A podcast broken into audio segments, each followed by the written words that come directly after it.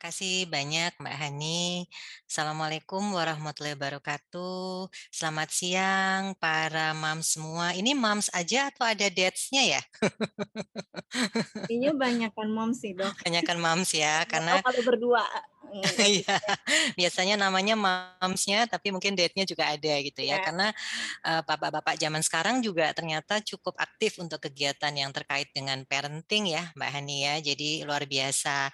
Ya senang sekali. Uh, terima kasih juga dan senang sekali saya diberikan kesempatan ya untuk uh, bisa bersama-sama hadir ya di acaranya uh, main cama-cama ya. Jadi uh, ini karena uh, anak usia ini jadi bukan sama sama tapi cama-cama gitu ya Mbak Hani ya.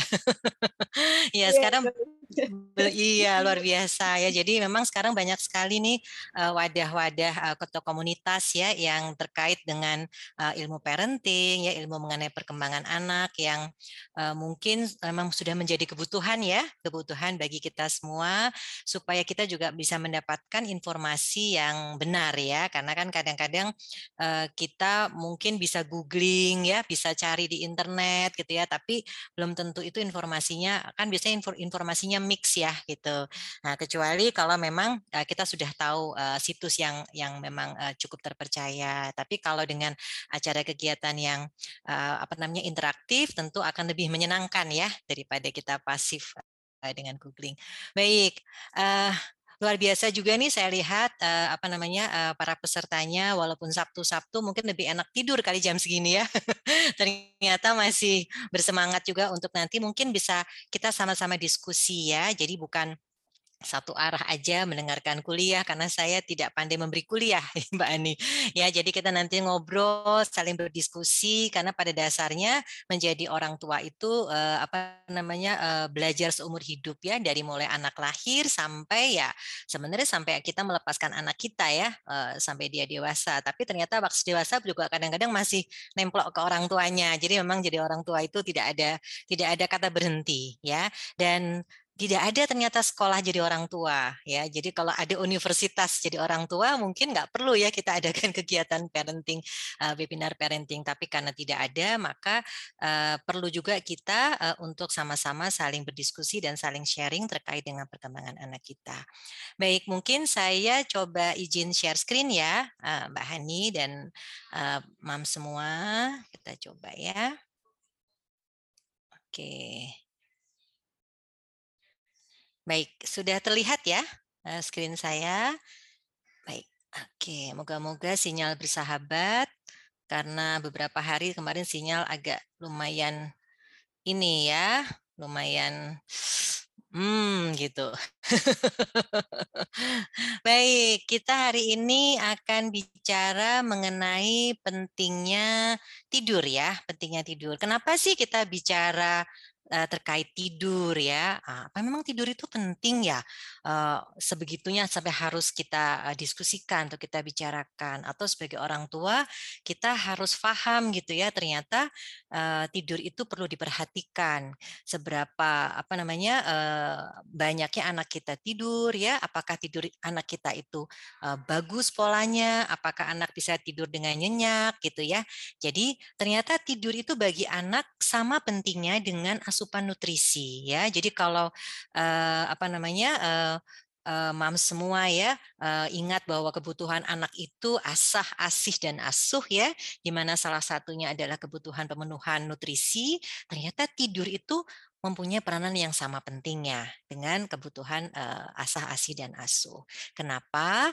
Karena nanti akan kita uh, diskusikan ya dalam dalam beberapa menit ke depan karena ternyata tidur itu ya merupakan uh, orang bilang kan tidur itu istirahat. Memang untuk uh, sepas dari luar kita lihat sepertinya istirahat, tetapi ternyata saat tidur justru tubuh kita itu dalam tanda kutip sedang istirahat aktif gitu yang yang yang sangat penting ternyata bagi uh, pertumbuhan dan perkembangan uh, manusia atau makhluk hidup pada umumnya ya.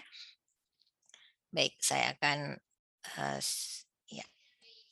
Oke, ini tadi sudah ya dibacakan oleh Mbak Hani ya.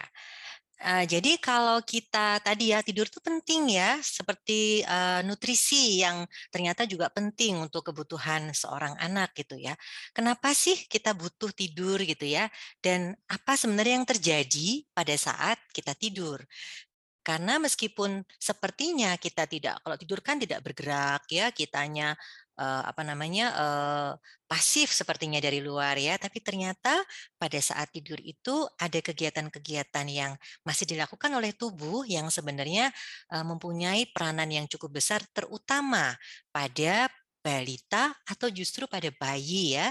Karena kalau ternyata pada bayi atau balita kecukupan tidur, kualitas tidurnya tidak baik, maka ternyata bisa mengganggu perkembangan dia ya. Mungkin sebelum kita apa namanya ikuti kita dengan uh, lihat video berikut ini ya sambil mungkin menunggu uh, para peserta lain yang mungkin sedang uh, apa yang akan mulai join ya. Baik, saya akan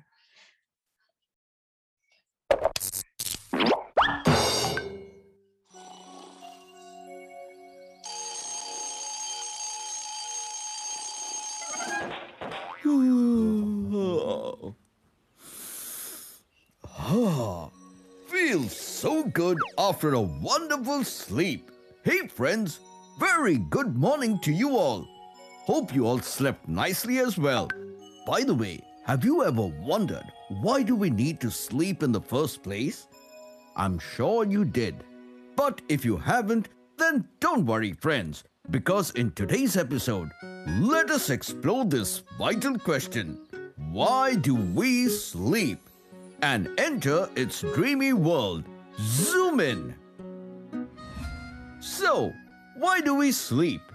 Well, we all have an internal biological clock that regulates our 24 hour sleep wake cycle. We call circadian rhythms, and light is the primary cue that influences this cycle. During the day, when there is light, your brain releases a hormone called cortisol, which keeps you awake, up, and going. And as the sun sets and the night appears, causing darkness, your brain triggers the release of melatonin, a hormone that makes you sleepy. Sleep consists of four stages, the deepest of which are known as slow wave sleep and rapid eye movement.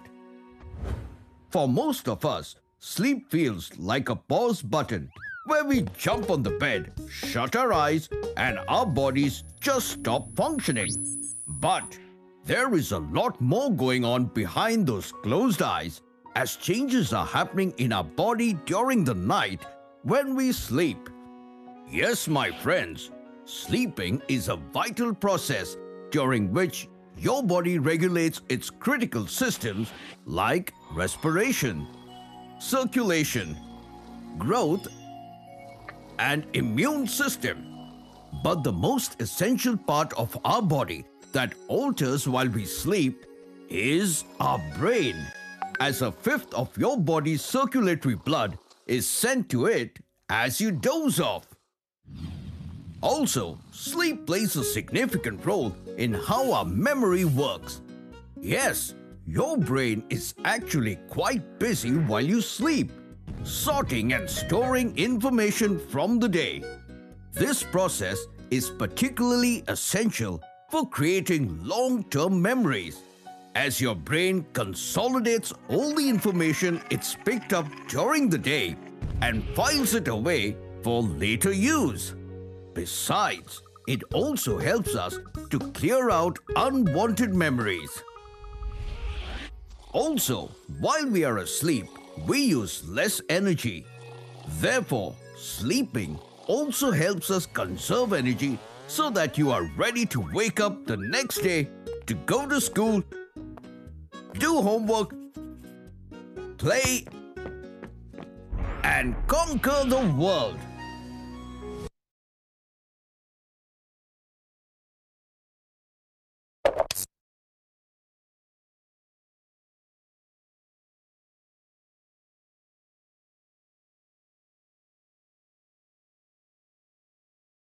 Dokter. Ya, ya, ya maaf baru masih di mute.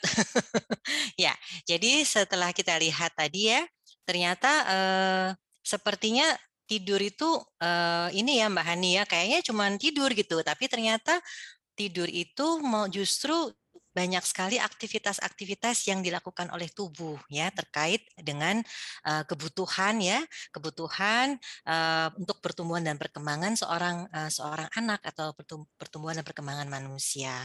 Jadi kalau kita lihat di video tadi uh, ada beberapa hal ya yang uh, apa terkait dengan tidur. Yang pertama adalah adanya pengaruh dari uh, irama sirkadian tubuh ya yang yang dipengaruhi oleh sinar matahari ya.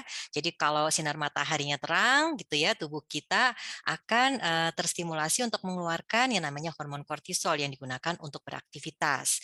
Tapi begitu mataharinya hilang atau situasinya atau tidak ada cahaya atau gelap, maka tubuh kita akan mengeluarkan hormon melatonin. Nah, hormon melatonin ini yang dipakai untuk kita supaya ngantuk ya, supaya kita tidur ya. Dan dari ada beberapa hal lagi yang terkait dengan uh, tahapan atau uh, stages ya, tahapan atau tahap-tahapan dalam uh, Eh, tidur yang terjadi pada seseorang jika dia mulai masuk tidur sampai dia bangun.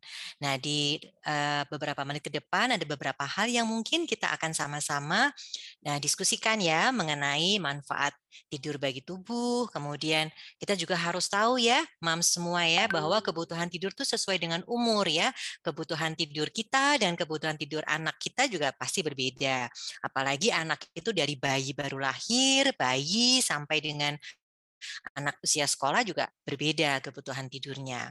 Kemudian Bagaimana kita melakukan sleep training atau mengatur pola tidur anak supaya anak mendapatkan kualitas tidur yang bagus, yang mendapatkan tidur yang berkualitas baik ya. Dan yang terakhir mungkin sedikit sih ya saya akan singgung mengenai gangguan tidur yang sering terjadi pada fase anak-anak ya. Baik. Oke. Ya.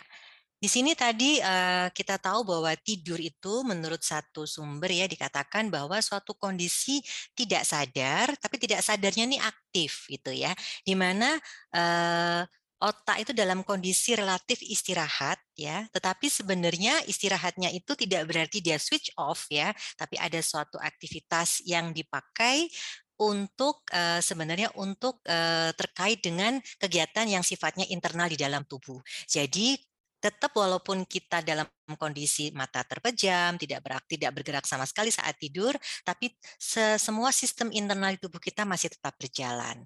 Nah, hanya di sini dikatakan aktivitas fisik yang dilakukan itu tingkatnya atau uh, apa nih uh, frekuensinya atau kegiatannya itu cukup rendah. Jadi kalau biasanya kita terjaga itu detak jantung kita mungkin bisa sekitar 80 sampai 100 kali per menit pada waktu tidur, itu mungkin frekuensi jantungnya 10 sampai 20% lebih rendah ya. Begitu juga dengan sistem pernafasan kita. Ya, kalau kita lagi terjaga gitu bisa kita bisa sampai 20 sampai 25 kali per menit kita bernafas dalam dalam satu menit, tapi kalau saat tidur bisa 10-20% lebih rendah. Kadang-kadang bisa sampai hanya 16-18 kali per menit. Kalau nggak percaya mungkin nanti pas saat malam ya atau siang tidur itu coba dihitung gitu ya. Uh, mungkin uh, suami kita atau istri kita atau anak kita gitu lagi tidur kita hitung frekuensi nafasnya dalam semenit berapa. Benar nggak nih itu ya yang tadi disampaikan sama uh, Dr. Truli gitu ya? Baik kemudian dikatakan bahwa dalam kondisi tidur itu kesadaran sensorinya juga berkurang. Jadi meskipun dia tidak sadar aktif tapi stimulus dari luar itu tidak akan mengganggu pada saat kita tidur. Jadi artinya tidak akan berespons tubuh kita terhadap stimulus dari luar. Ya, ya seseorang dikatakan tidur ya itu dia punya dua ada dua hal ada dua sistem ya. Ada sistem yang ternyata mengatur proses tidur seseorang ya. Yang pertama tadi di video ya mungkin mams uh, tadi sudah sempat uh, menyimak ya bahwa yang kita sebut dengan irama sirkadian atau ritme sirkadian ya. Di sini ritme sirkadian ini adalah suatu irama atau ritme yang dibentuk ya yang yang dibentuk oleh tubuh kita dalam uh, kondisi untuk menyelaraskan satu satu siklus dalam satu hari. Jadi dalam satu hari itu tubuh kita itu sudah sudah akan bisa mengatur kapan kita tidur, kapan kita bangun ya. Dan irama sirkadian ini ternyata tidak begitu lahir langsung kita punya ya, tidak dimiliki dari uh, begitu bayi lahir langsung sudah punya, tapi dia dibentuk dengan suatu pembiasaan. Nah, dan uh, hebatnya lagi uh, ternyata dipengaruhi oleh tadi sinar matahari gitu ya. Dan ternyata kalau misalnya sinar ada sinar matahari, maka tubuh kita akan merespons yang keluar adalah hormon kortisol. Tapi kalau misalnya malam hari di mana sinar matahari tidak ada atau kondisinya tidak terang ya, maka tubuh kita akan mengeluarkan hormon melatonin yang digunakan untuk tidur atau istirahat. Nah, ini akan akan mulai dibiasakan dari mulai bayi ya karena bayi baru lahir itu tidak mempunyai atau belum belum mempunyai irama sirkadian seperti ini. Dan satu lagi pengaturannya adalah sistem homeostasis, sistem keseimbangan.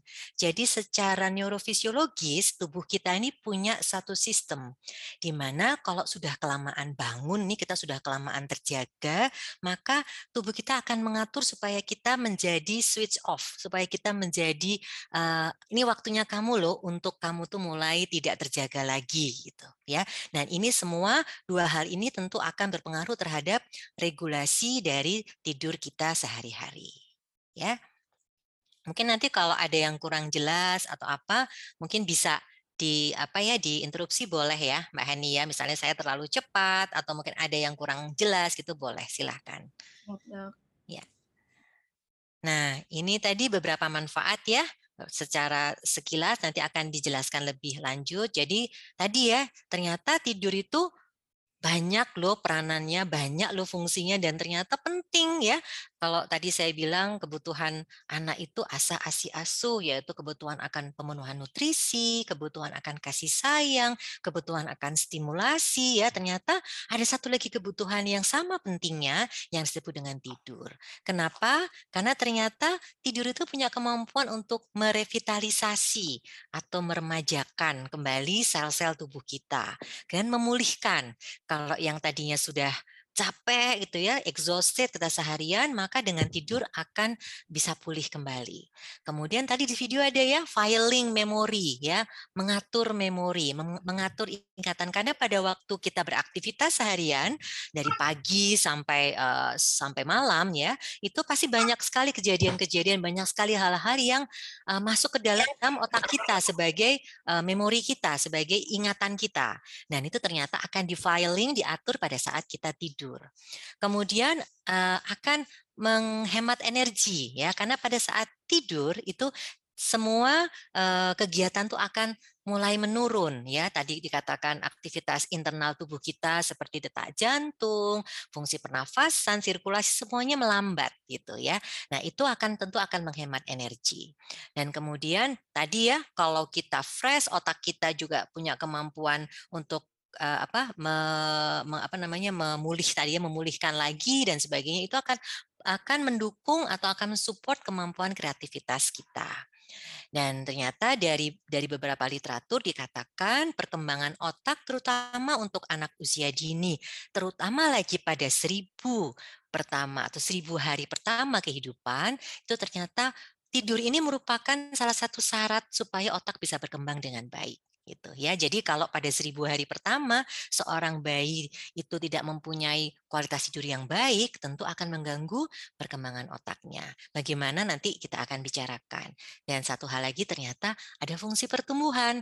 Mungkin teman-teman ya mungkin mam semua ingat waktu kita kecil kan selalu dibilang mesti bobo ya. Apalagi kalau masih di bawah lima tahun ya kamu mesti bobo siang atau kamu mesti mesti bobonya mesti ini mesti mesti bagus yang harus bobo malam juga harus cukup kalau nggak nanti kamu nggak tinggi katanya gitu ya. Jadi ternyata ada beberapa hormon untuk pertumbuhan yang dikeluarkan pada saat kita tidur gitu ya Baik, kita mungkin bicarakan satu-satu ya. Di sini tadi yang pertama adalah meremajakan dan memulihkan ya. Jadi ternyata pada saat tidur itu ya, itu tubuh kita tadi yang tidak sadar itu ada sedikit aktivitasnya. Salah satunya adalah suatu proses namanya revitalisasi atau memulihkan. Jadi pada saat tidur tadi di video kan disebutkan ada fase-fasenya ya. Ada fase uh, tahapan 1, 2, 3, 4 dan satu yang disebut dengan REM. REM. 1 sampai 4 tadi adalah fase yang disebut dengan non REM atau tidur dengan gelombang lambat. Jadi kalau seseorang tidur tidur, kemudian dipasang alat yang namanya elektroencephalographic ya atau EEG, itu akan terlihat gelombang tidurnya. Nah, gelombang tidurnya itu ternyata kalau fase non REM itu ya, itu gelombang tidurnya tuh melambat gitu ya. Ada ada yang disebut dengan spindle-spindelnya gitu ya. Nah, ini fase non REM ini ternyata adalah fase tidur yang harus dipunyai oleh semua orang yang tidur untuk memulihkan fungsi dari sel-sel tubuh kita. Karena pada saat itulah uh, hormon, enzim yang digunakan untuk merecharge ya, merecharge sel-sel itu keluar gitu. Kalau tidak pada tidak masuk dari fase itu, maka dia tidak akan bisa berfungsi, tidak akan keluar hormon-hormon tersebut. Dan kemudian ada fase yang disebut dengan fase REM. Jadi tadi non REM 1 sampai 4, kemudian ada fase REM atau rapid eye movement. Kalau yang tadi semuanya slow, lambat, kalau yang fase REM itu semuanya itu biasanya ditandai dengan aktivitas yang sedikit lebih cepat. Jadi matanya berkedip-kedip, detak jantung lebih cepat ya. Di sini biasanya orang mimpi nih, fase mimpi gitu ya. Nah, ternyata fase REM ini pada bayi di dua tahun pertama itu lebih panjang.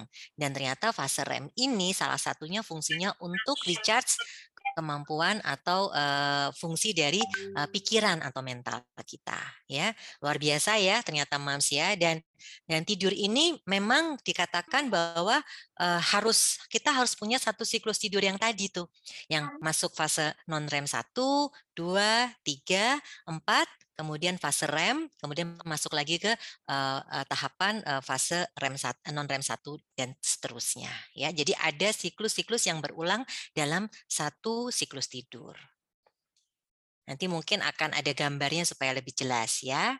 Nah, ini tadi nih memengaruhi fungsi memori dan kognitif. Jadi pada waktu tidur ya di video tadi kan kelihatan ya otak itu lagi memfiling ya. Jadi satu hari nih uh, mam semua kan pasti oh banyak sekali ke kejadian, aktivitas ya yang ternyata uh, merupakan proses pembelajaran bagi seorang anak ya. Oh, tadi pagi nih anak sedang belajar main apa misalnya? Sedang belajar main misalnya menuang-nuang, menuang-nuang misalnya menuang-nuang makroni misalnya ya. Nah, situ dia belajar oh ternyata menuang itu ada kalau kita nggak hati-hati hati bisa tumpah misalnya. Dia punya pengalaman itu atau dia punya pengalaman dia pergi misalnya ke kebun binatang, dia melihat banyak binatang di sana, oh, dikasih tunjuk sama ibunya sama mamanya, oh itu loh macan, oh itu kalau macan itu suaranya wow seperti itu semuanya ada di dalam memori seorang anak. Dan pada saat tidur, ah, otak kita tuh hebatnya memfiling itu, ya mengambil memori-memori yang bermanfaat manfaat, yang menyenangkan ya, itu untuk dimasuk ke dalam satu tempat yang disebut dengan long term memory. Long term memory ini nanti akan di recall. Jadi pada saat anak mungkin setelah sekian bulan ke depan ya, dia diajari sama gurunya bisa terkait dengan banyaknya loh binatang jenis-jenis binatang buas ya akan inget.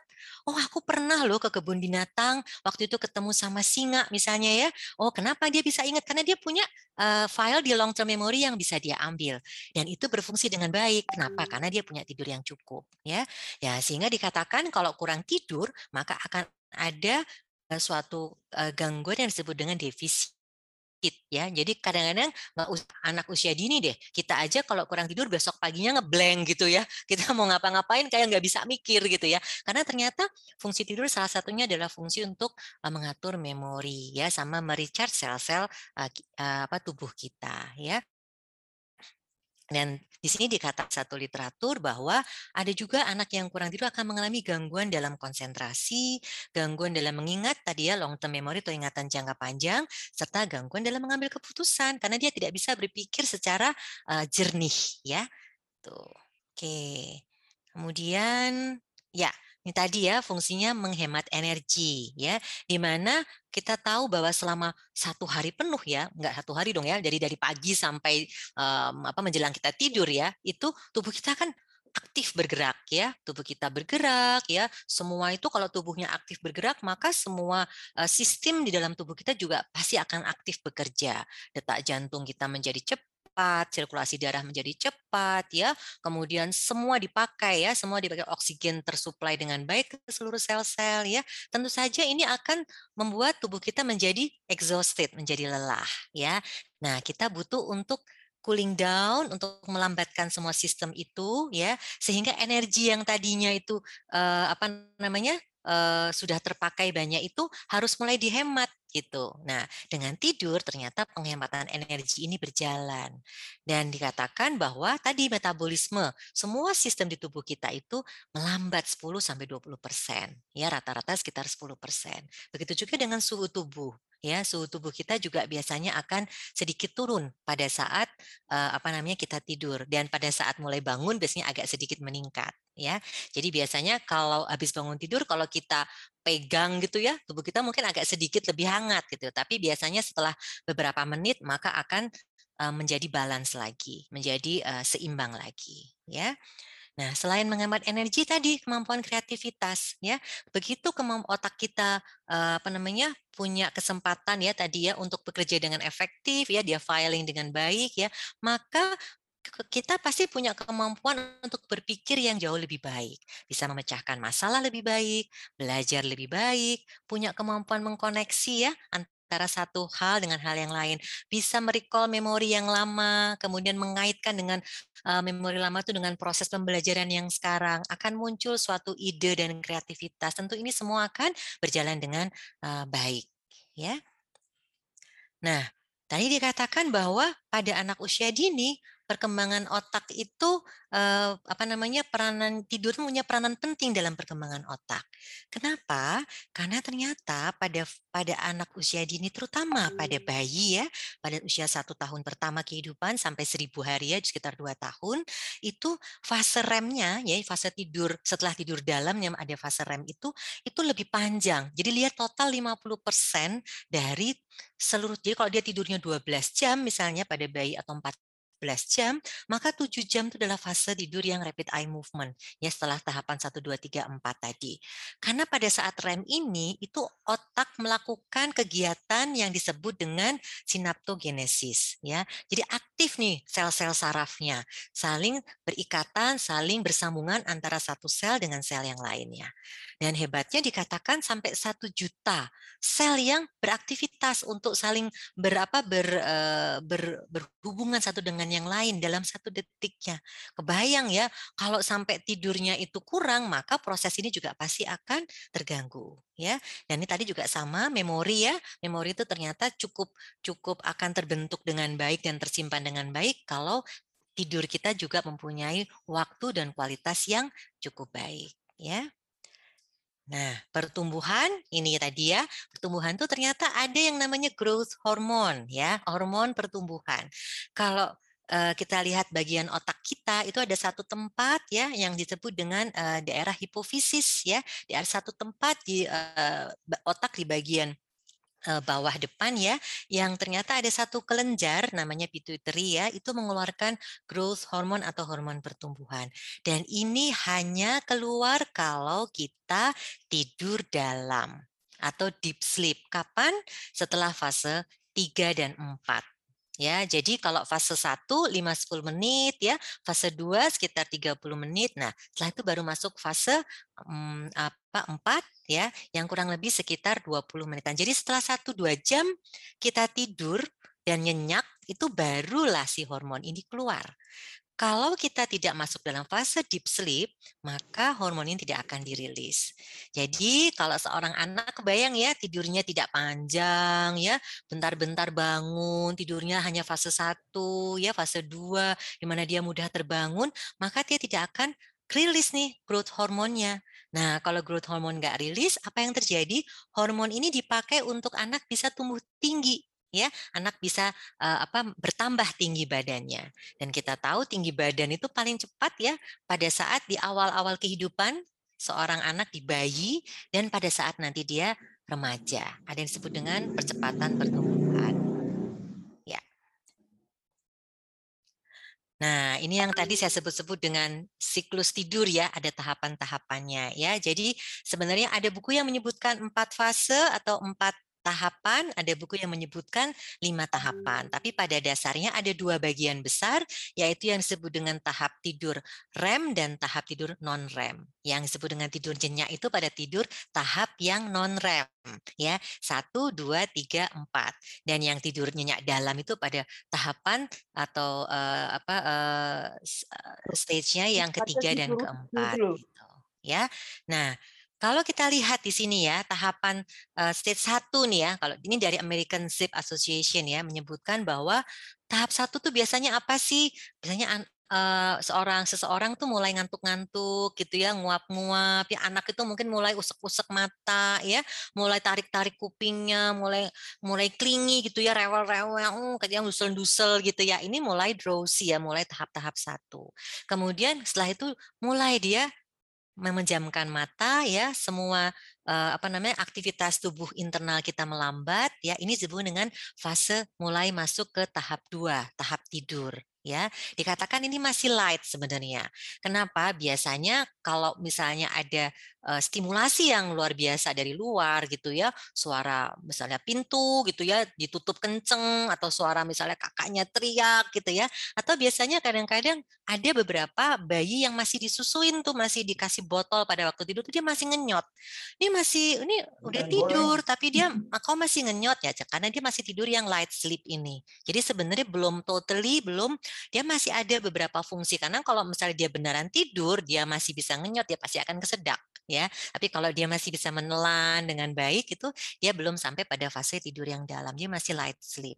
Kemudian tahap 3 dan 4 dikatakan ini adalah tahap tidur yang nyenyak terutama yang tahap keempat. Jadi setelah 20 menit kurang lebih ya 20 tambah 10 15 ya 35 40 menit kita akan masuk ke tahap deep sleep ya. Jadi setelah 40 menit, kemudian lamanya sekitar 30 menit, ada buku yang mengatakan 40 menit ya, sampai kurang lebih satu setengah dua jam, itu kita akan masuk atau anak akan masuk pada fase yang tidur dalam. Tidur dalam ini biasanya nggak akan kebangun, susah dibangunin ya diunyek-unyek, digowel-gowel, dipindah-pindah gitu, anaknya nggak bangun gitu. Dan biasanya kalau kita nih ya orang dewasa tidur fase ini yang sebenarnya agak jarang ya pada orang dewasa ya, itu kalau dibangunin tuh kayak kita lupa loh ini hari apa ya? Oh ini pagi ya gitu. Nah itu benar-benar yang kita tuh pada saat bangun tuh butuh waktu untuk uh, istilahnya kata orang uh, nyawanya belum ngumpul katanya gitu ya. Tapi sebenarnya itu adalah kondisi dia sedang tidur dalam dan terjaga dengan cepat ya. Karena fase tidur ini benar-benar fase semuanya sepertinya uh, uh, shutdown ya, semuanya melambat ya pada saat fase tidur dalam. Dan pada saat setelah fase tidur dalam tadi yang non REM 4, maka kita akan masuk fase rapid eye movement atau fase uh, REM-nya. Fase REM ini sebenarnya fase mulai nanti akan masuk ke siklus yang tahapan yang pertama gitu ya. Jadi sebenarnya mulai masuk ke bangun dan di fase REM ini biasanya kalau uh, or apa dari beberapa literatur mengatakan fase lagi mimpi gitu ya. Karena di sini tuh mata ber, kalau dilihat ya mata berkedip-kedip kalau kita lakukan EEG gitu ya itu ternyata gelombangnya tuh adalah uh, gelombang yang ini ya gelombang yang cepat gitu ya gelombang yang cepat itu di situ. Dan ini biasanya uh, sebentar ya sebentar bisa sekitar antara 10 menit uh, sampai sekitar 15 menit gitu ya. Nah di sini dikatakan bahwa anak-anak dan orang dewasa ya, jadi anak-anak anak-anak itu dikatakan anak-anak usia sekolah ya, sampai dengan orang dewasa itu sebagian besar tidurnya fasenya fase tahap 2. Jadi tidak dalam tapi juga tidak ringan ya. Jadi tidak yang awal-awal ya, dia sudah sudah masuk ke tidur tapi masih bukan yang tidur dalam. Itu ya sekitar uh, kurang lebih 50%. Selebihnya dalam satu siklus tidur biasanya 20% adalah uh, tidur yang tadi tuh ya, yang yang uh, rapid eye movement, yang mimpi-mimpi itu 20 30% ya yang tengah-tengah itu adalah tidur dalam gitu ya. Dan tadi dikatakan bayi ternyata fase tidur remnya itu yang lebih panjang, lebih banyak karena tadi untuk si otak supaya dia bisa uh, apa namanya melakukan kegiatan aktivasi yang disebut dengan sinaptogenesis tadi. Nah, ini ya, kalau kita lihat gambarannya ya. Jadi dalam satu siklus sirkadian tadi ya, ini kalau kita asumsikan orang anak besar ya, remaja atau orang dewasa ya, itu 8 jam tidur nih ya. Kalau kita lihat ini, maka ini adalah fase dia bangun, ini adalah fase dia tidur. Di mana di antara fase tidur-tidur dalam ini ada fase remnya. Dan satu kali tidur itu ada siklus ini berkali-kali gitu ya. Jadi dari mulai stage 1 sampai dia dalam ya, ada fase remnya nanti mulai mulai lagi dia ke fase satu lagi terus begitu bisa sampai dikatakan kalau dia 8 jam mungkin bisa sekitar 2-3 kali, tiga kali lah kurang lebih. Tapi kalau dia lebih panjang dari itu maka bisa lebih dari uh, 3 atau sekitar 4 sampai 5 kali gitu ya. Dan fase REM ini ternyata makin panjang tidur makin lebih panjang ya. Awalnya sekitar 10 menit gitu ya fase rapid eye movement atau yang mimpi itu ya. Tapi kalau kita tidur dia bisa sampai lebih dari 8 jam, kadang-kadang pada saat menuju ke 8 jamnya itu bisa lebih panjang fase REM-nya ya. Dikatakan begitu dari beberapa penelitian. Ya. Nah, kita masuk nih. Ternyata jadi butuh berapa banyak sih kita tidur gitu ya? Anak-anak kita butuh berapa lama gitu ya? Jadi ternyata tuh bayi baru lahir, kemudian toddlers ya, kemudian anak usia sekolah ya, balita atau anak dan anak usia sekolah, remaja dan orang dewasa itu beda-beda ya. Walaupun kita lihat kalau mam semua lihat nih ya, kalau kita lihat dari newborn sampai tiga bulan itu kurang lebih hampir sama ya, butuhnya sekitar 16 jam. Tapi kalau kita breakdown lagi, ini ya total hours day daytime sleep-nya, jadi pada waktu tidur di pagi atau siang harinya, semakin gede ya, semakin mendekati tiga bulan itu lebih pendek. Jadi totalnya sama 15-16 jam, tapi malamnya lebih panjang ya. Jadi siangnya lebih banyak. Waktu dia masih newborn baru lahir mungkin 50-50 ya. Pagi sama malam sama Pak, sama aja tidurnya nih. Gitu. Jadi seolah-olah dia nggak ada bedanya nih pagi sama malam. Tapi begitu mendekati tiga bulan, ternyata malam justru lebih panjang. Jadi ibu-ibu nih, para mam semua yang lagi menyusui biasanya uh, suka nanya nih sama uh, dokter gitu ini awalnya nih tidur mulu nih sekarang kalau malam eh sorry awalnya nih malam-malam itu nyusu tidur nyusu tidur gitu. Terus sekarang ini uh, dok malam dia bisa nggak nyusu dia tidur melulu terus siang dia bangun gitu. Nggak apa-apa tuh tidur sampai berjam-jam malam-malam dia nggak nyusu gitu. Jadi kadang-kadang orang tua khawatir padahal memang secara uh, apa uh, normal dari uh, circadian uh, ritmenya dia itu malam dia akan lebih panjang dan siang dia akan lebih pendek itu untuk tidurnya. Dan kalau kita lihat semakin besar nih ya, 10 jam, 11 jam ya kalau setahun ini kan sekitar 11 jam itu ya. Ternyata tidur siangnya ya hanya 3 jam ya. Dan pada saat mendekati kita lihatnya 3 sampai 5 tahun ya, kalau kita lihat tidur siangnya ini bahkan ada yang udah nggak tidur siang ya ada 0 jam nih.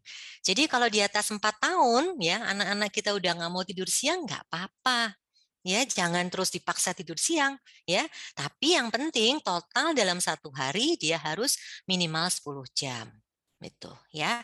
Kalau bisa diharapkan bisa sampai 13 jam ya.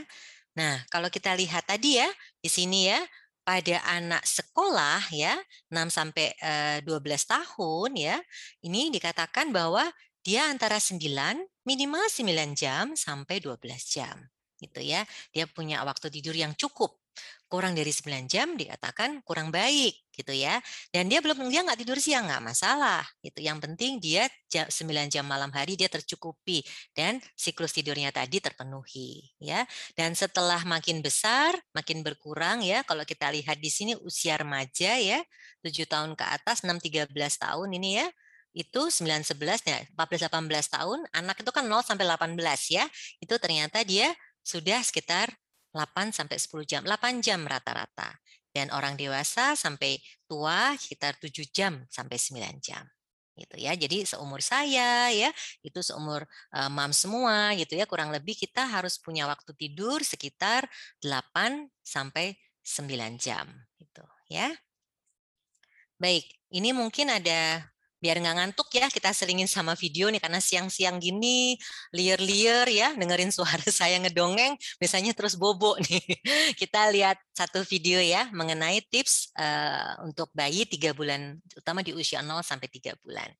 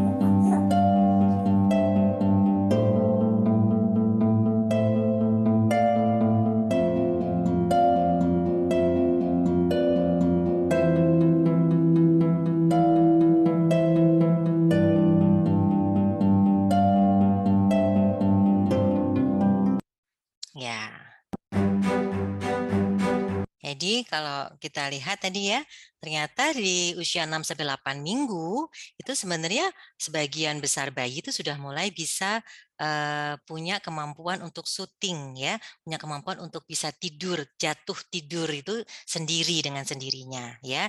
Dan itu biasanya memang uh, apa namanya? ada tadi ada beberapa hal yang kita harus perhatikan itu ya. Kenapa? Karena ternyata uh, pada beberapa kondisi ya, pada beberapa kondisi itu pola tidur atau masalah tidur itu terjadi bukan karena ya apa namanya faktor dari si bayi atau anaknya tapi sebenarnya ada faktor dari di luar di luar dari bayi atau anak tersebut. Ya biasanya terkait dengan faktor lingkungan. Dalam hal ini misalnya uh, apa anggota keluarga yang lain ya apakah memang pembiasaannya kemudian bagaimana situasi di sekeliling tempat tidurnya dan sebagainya yang tentu akan menjadi masalah gitu dan tentu akan menjadi problem pada saat kemudian uh, anak bayinya uh, bayi ini kemudian apa pada saat usianya dia bertambah besar yang uh, apa namanya semakin semakin muncul semakin terlihat gitu. Jadi awalnya mungkin kita nggak gitu ngerasa ini ada masalah gitu ya. Tapi begitu dia semakin besar nih kok tidurnya jadi semakin sulit gitu. Kemudian dia semakin apa uh, punya banyak ritual nih kalau mau tidur nih harus diempengin misalnya, harus digendong-gendong dan sebagainya gitu ya. Nah, dikatakan bahwa di sini ternyata pada pada apa namanya ya bayi yang sekitar usia enam bulan itu tadi kan 6 sampai 8 minggu ya sekitar usia dua bulan itu mereka sudah mulai bisa uh, punya kemampuan untuk falling asleep sendiri gitu ya, syuting namanya ya, punya kemampuan untuk tidur sendiri, jatuh tidur sendiri. Tapi pada saat usia enam bulan biasanya mulai ada muncul nih dan dikatakan masih normal. Itu ada muncul mulai kadang-kadang ada masalah nih waktu enam bulan gitu ya. Kenapa? Karena pada saat enam bulan itu anak itu sudah mulai punya kemampuan uh, aware terhadap lingkungannya. Bayi enam bulan ya, kalau mams mungkin masih ingat, kalau kita punya bayi di bawah enam bulan tuh kan nice ya, bayinya tuh digendong sama semua orang mau gitu ya. Kalau ketemu orang senyum-senyum tuh begitu udah enam bulan ke atas bayi itu udah nggak mau lagi digendong orang yang selain orang yang dia kenal gitu ya. Jadi biasanya digendong sama uh, mamahnya oke okay, begitu ada tantenya baru ketemu nih baru dateng terus langsung ih lucu banget. Nah gendong langsung si bayi itu nangis karena dia sudah mulai mengenal sudah mulai aware oh ini ada orang lain yang berbeda dengan orang yang yang hari-hari dia lihat gitu ya. Dan di sini biasanya karena dia sudah punya kemampuan awareness tadi dia mulai muncul separation anxiety. Jadi kalau orang tuanya nggak ada di dalam hadapan hadapan dia, itu pasti dia akan merasa cemas. Dan itu dikatakan di uh, apa satu literatur bahwa itu cukup normal gitu pada kondisi ini biasanya akan timbul masalah-masalah terkait dengan gangguan tidur ya. Biasanya apa sih yang terjadi? Bangun dan menangis ya, malam-malam dia terbangun gitu, kemudian dia nangis gitu mencari ibunya. Kalau misalnya dia tidur di tempat tidur yang terpisah ya atau di kamar yang terpisah. Atau misalnya pada saat udah ditepok-tepok, udah tidur, ibunya keluar, orang tuanya keluar, dia bangun dan dia nggak mau ibunya pergi gitu ya. Atau dia nggak mau tidur tanpa orang tua di sebelahnya atau rewel maunya nempel terus gitu ya dan ini biasanya akan terjadi. Nah, Hal ini tentu bisa disiasati atau bisa di apa ya dicegah atau bisa kita minimalisasi lah paling tidak dengan suatu aturan yang disebut dengan sleep hygiene ya. Sebenarnya apa itu sleep hygiene adalah suatu praktik atau suatu kebiasaan ya yang diperlukan untuk mendapatkan kualitas tidur malam yang baik dan terjaga kalau siang hari. Jadi suatu kondisi, suatu pembiasaan yang kita bisa terapkan pada anak pada anak kita, pada anak-anak supaya dia punya uh, apa kualitas tidur yang baik, dia punya kemampuan untuk syuting tadi, untuk falling asleep tadi, dia punya tidur yang nyenyak sepanjang malam gitu ya. Dan pada saat pagi dia punya suatu uh, kemampuan untuk bisa beraktivitas dengan baik karena dia punya tidur yang cukup gitu. Ya. Nah, ini ada satu video mengenai ini salah satu contoh ya. Jadi ini ada masalah tidur ya, di mana anak anak uh, ini ada seorang ibu punya dua anak, anak keduanya, anak pertamanya no problem, nggak ada masalah. Nah, begitu anak keduanya lahir, si anak kedua si baby Malis ini tuh dia punya uh, ke apa namanya ke ini ya punya masalah kalau dia malam jam 2.40 malam selalu terbangun dan menjerit-jerit minta uh, ditemenin dan minta botol susu ya. Dan di sini salah satu ini sebenarnya uh, apa namanya tata laksana atau cara itu macam-macam ya, mam semua ya. Jadi tidak ada satu metode yang fit for all ya. Jadi selalu selalu customize dan sini ini di sini dia memakai jasa katanya namanya baby sleep boss gitu ya. Tapi sebenarnya uh, teori yang dipakai adalah teori yang uh, cry it out ya. Jadi anak dilakukan pembiasaan dan dibiasakan uh, untuk ditenangkan tanpa adanya sesuatu yang menyertai dalam hal ini dia dotnya atau botol susunya ya. Mungkin kita lihat aja ya. Now to a problem all of us parents have faced at some point, how to get your baby to sleep. Hmm. And Ginger, you've got little baby Miles at home, and this is something that you struggle with. So you went to the expert. You got advice from the baby sleep boss. It's a real thing because I needed it. Yes, my first okay. son, Adrian, he slept through the night, no problem. Then baby Miles came along, and he uh, did not. So we were up two to three times a night, and I know a lot of you new parents have been there. Mm -hmm. But hear this my kid is now sleeping 11 hours straight. And it was actually pretty easy. I love playing with my sons, Adrian and Miles, during the day. But at night, my home was becoming a nightmare. Baby Miles wasn't sleeping through the night.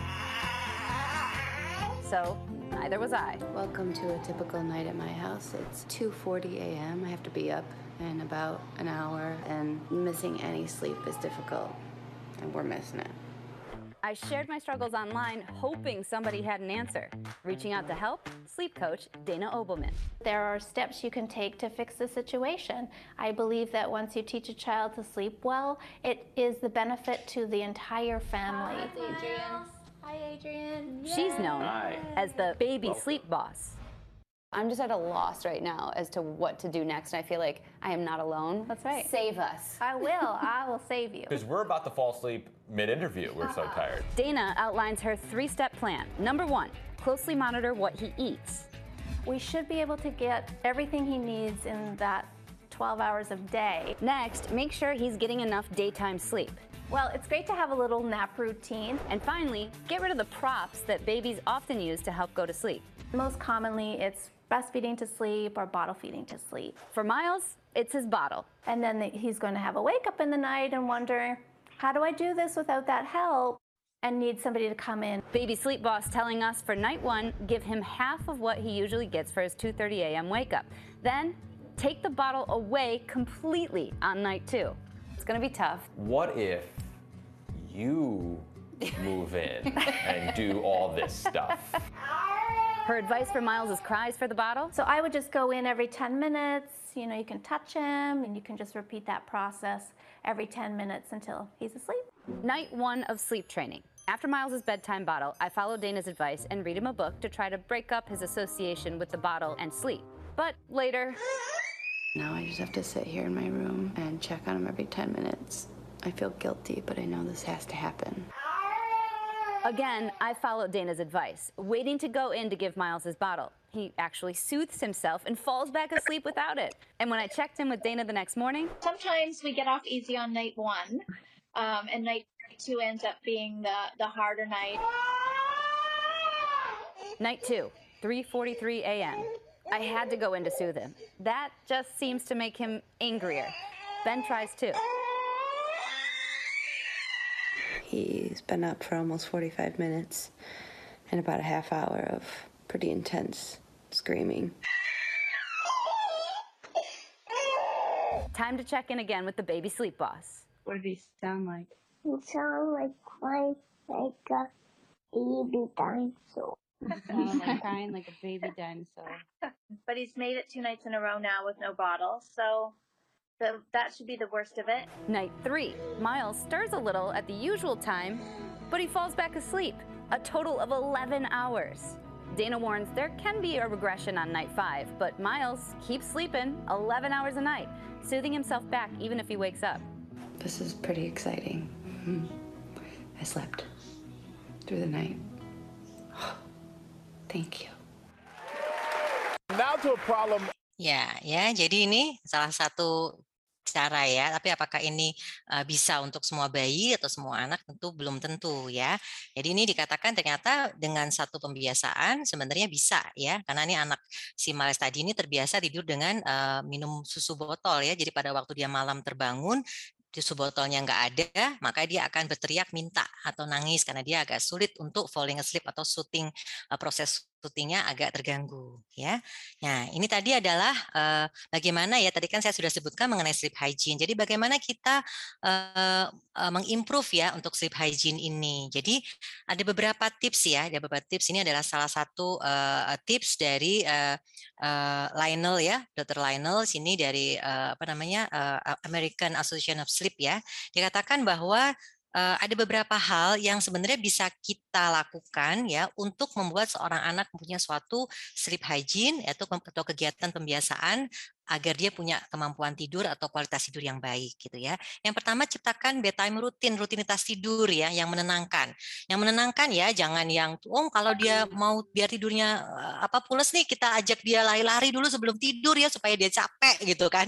Nah, kalau capek kan dia pasti tidur. Nggak boleh. Jadi aktivitas sebelum tidur itu harus yang rileks, menenangkan ya. Karena kalau dia malah justru diajak berkegiatan yang aktif, malah bukannya tambah ingin tidur, tapi malah tambah lebih bangun gitu. Ya, jadi menenangkan seperti apa? Misalnya tadi ya bercerita, ya ada beberapa mungkin kita mandiin ya, atau bisa juga pijat bayi ya, bisa kita lakukan pijat bayi ya, sambil dielus-elus ya.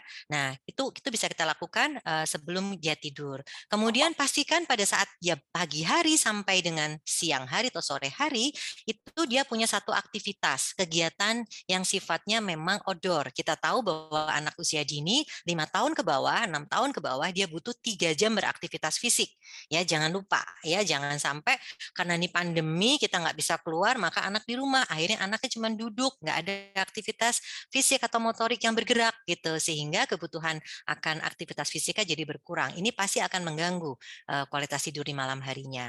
Kemudian jadwal makan juga tidak boleh terlalu dekat dengan tidur ya. Dikatakan dikatakan makanan itu akan kosong antara 2 sampai 4 jam dari perut seorang bayi. Jadi kalau bisa 2 jam gitu ya, itu udah paling cepat ya dia untuk diisi atau uh, di, apa di, diberikan lebih jadi tidak boleh terlalu dekat, nggak boleh misalnya 5 menit, 10 menit atau 15 menit sebelum tidur gitu nggak boleh ya. Kemudian kita membuat suatu aktivitas dan jam tidur yang sama.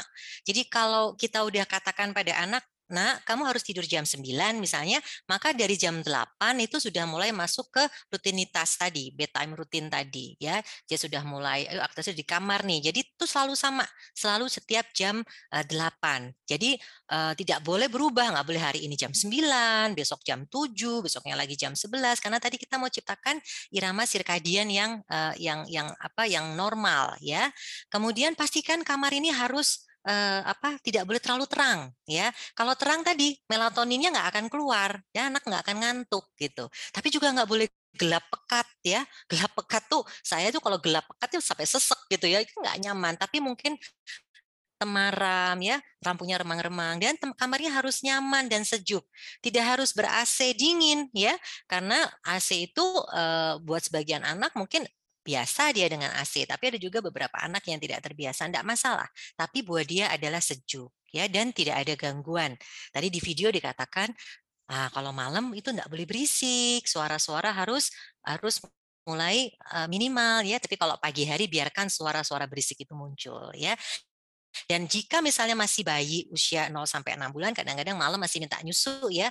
Kalau dia menyusu uh, apa menetek pada ibunya, boleh saja misalnya malam bangun untuk nyusuin tapi ya tidak dinyalakan lampunya. Jadi ruangan tetap temaram ya. Kemudian kita juga tidak boleh rame ya dan lingkungan juga tetap diusahakan tidak berisik, tidak tidak ada gangguan dari luar ya.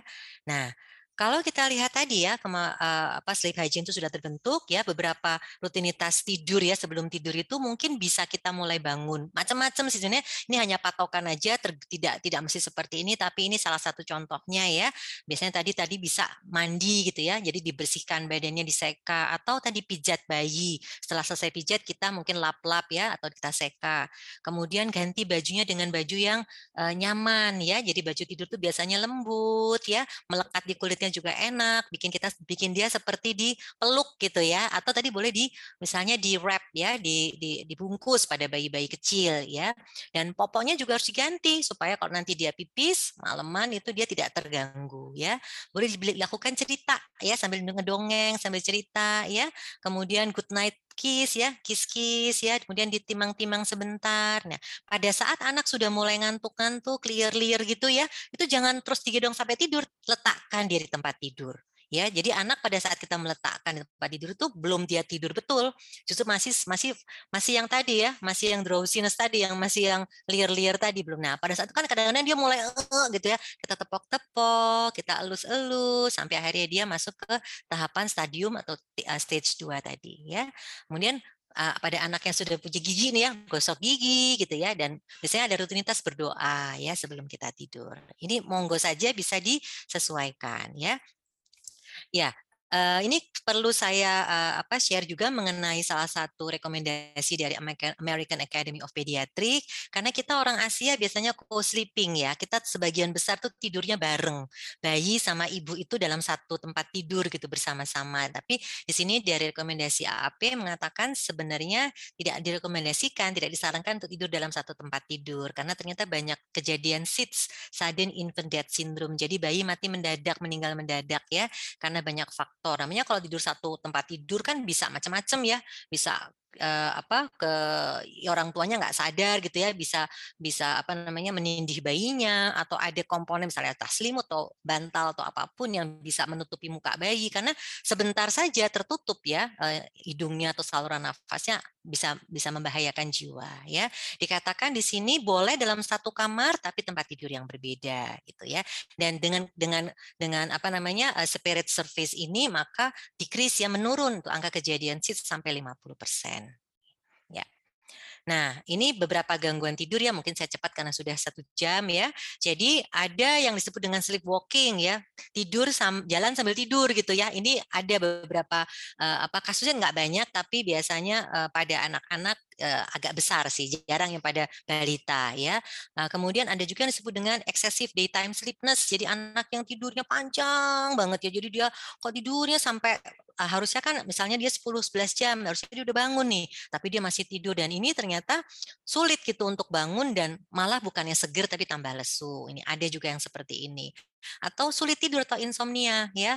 Nggak bisa tidur. Ya ini biasanya terkait dengan satu perubahan dalam rutinitas. Baru pindah rumah masuk sekolah misalnya atau mbaknya baru atau mamanya mulai masuk kerja gitu ya.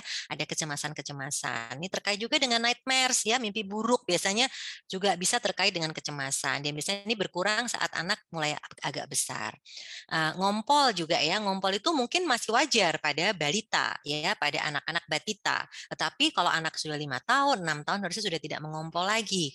Jika dia tadinya sudah nggak ngompol, tiba-tiba dia ngompol, jangan-jangan ini adalah gangguan tidur. Yang terakhir adalah obstruktif obstruktif sleep apnea atau OSAS ya atau OSA. Di sini ada sumbatan. Biasanya anak mengorok. Jadi kok nggak pernah ya tidur teman-teman tiba-tiba ada suara dengkuran. Nah, ini bisa terkait dengan masalah yang berhubungan dengan sumbatan jalan nafas. Yang paling sering pada anak-anak adanya pembesaran dari kelenjar adenoid atau amandel ya. Itu biasanya bisa menimbulkan gangguan tidur berupa mengorok gitu ya. Mungkin itu aja bisa sampaikan. Takutnya kalau kepanjangan tambah ngantuk nih nanti Bani. Kita bisa sambil diskusi mungkin ya Mams ya terkait dengan uh, masalah yang uh, tidur ya.